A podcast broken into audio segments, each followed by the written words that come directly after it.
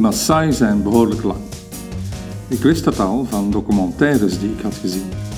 Meestal staan ze in zo'n documentaire dan ook nog wat op en neer te springen. Speer in de hand, geruite klederdacht aan, u weet wel hoe dat gaat.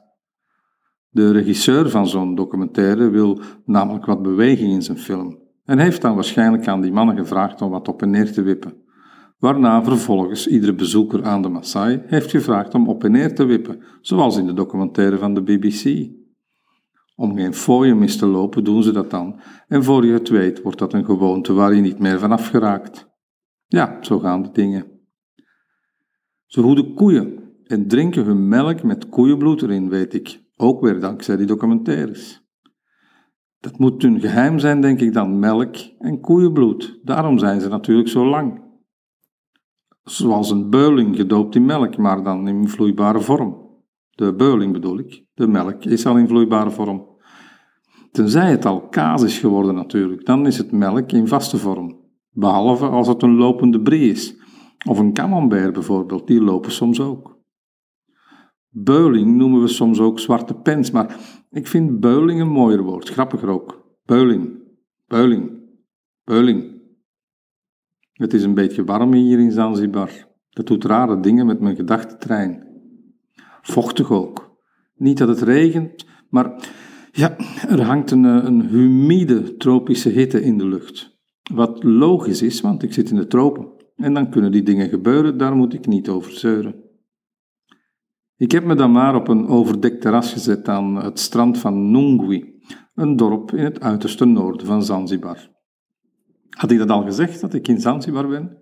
Door de hitte hier vergeet ik soms dingen, merk ik. De, de witte Chardonnay uit Zuid-Afrika, die de vriendelijke ober net heeft gebracht, zorgt voor wat verkoeling, maar ook niet overdreven veel. Het was geen Maasai, de ober, want Maasai die oberen niet, blijkbaar. Althans, ik heb nog geen enkele Maasai-kelner gezien. Waarschijnlijk omdat er geen melk met koeienbloed op het menu staat. Het is mijn eerste alcoholische drankje sinds ik hier vijf dagen geleden ben aangekomen, ik zweer het. Het is hier te heet voor alcohol. Ik hou het meestal bij mangosap. Ik heb al wel Maasai gezien die bij hotels de wacht houden en Maasai die op het strand armbanden en halskettingen verkopen. Ik zou dan toch liever koeien hoeden dan altijd maar weer over zo'n heet strand te banjeren, op zoek naar een toerist die wat kraaltjes wil kopen, maar ieder zijn meug natuurlijk. Op het strand liggen enkele Russische toeristen te braden. Ik weet dat het Russen zijn, omdat de vrouwen nepborsten en opgespoten lippen hebben, en de mannen dikke buiken en vierkante hoofden, getooid met kapsels die wij vroeger wel eens koep pispot durfden noemen. Romeinse keizers hadden vaak ook zo'n kapsel. Toch volgens de printjes die ik vroeger spaarde van Artis Historia. Ik herken de Russen overigens ook aan het feit dat ze Russisch spreken. Dat is natuurlijk altijd een weggever. Maasai-vrouwen heb ik hier nog niet gezien. Die zijn blijkbaar nog niet geëmancipeerd en zitten misschien thuis een heerlijk maal van melk en bloed te bereiden. Schat, wat eten we vanavond? Melksoep met bloed. Oh, lekker, zoals gisteren, eergisteren en alle dagen daarvoor.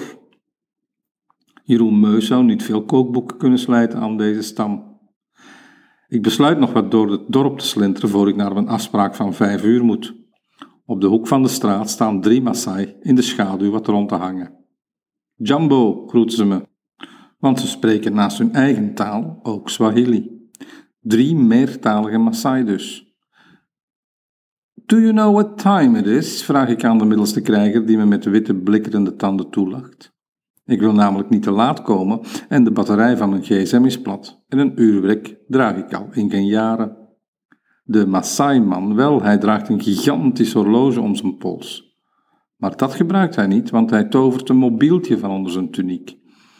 Yes, sir, I know the time, antwoordt hij met een zekere trots en in uh, gebroken Engels. Hij kijkt op zijn gsm, is een beetje in de war en zegt dan: It is, sir, let's see, Nisam Kami Hadi Santano. Waarna ze met z'n drieën trots wegwandelen, mij verbaasd en nog steeds tijdloos achterlatend.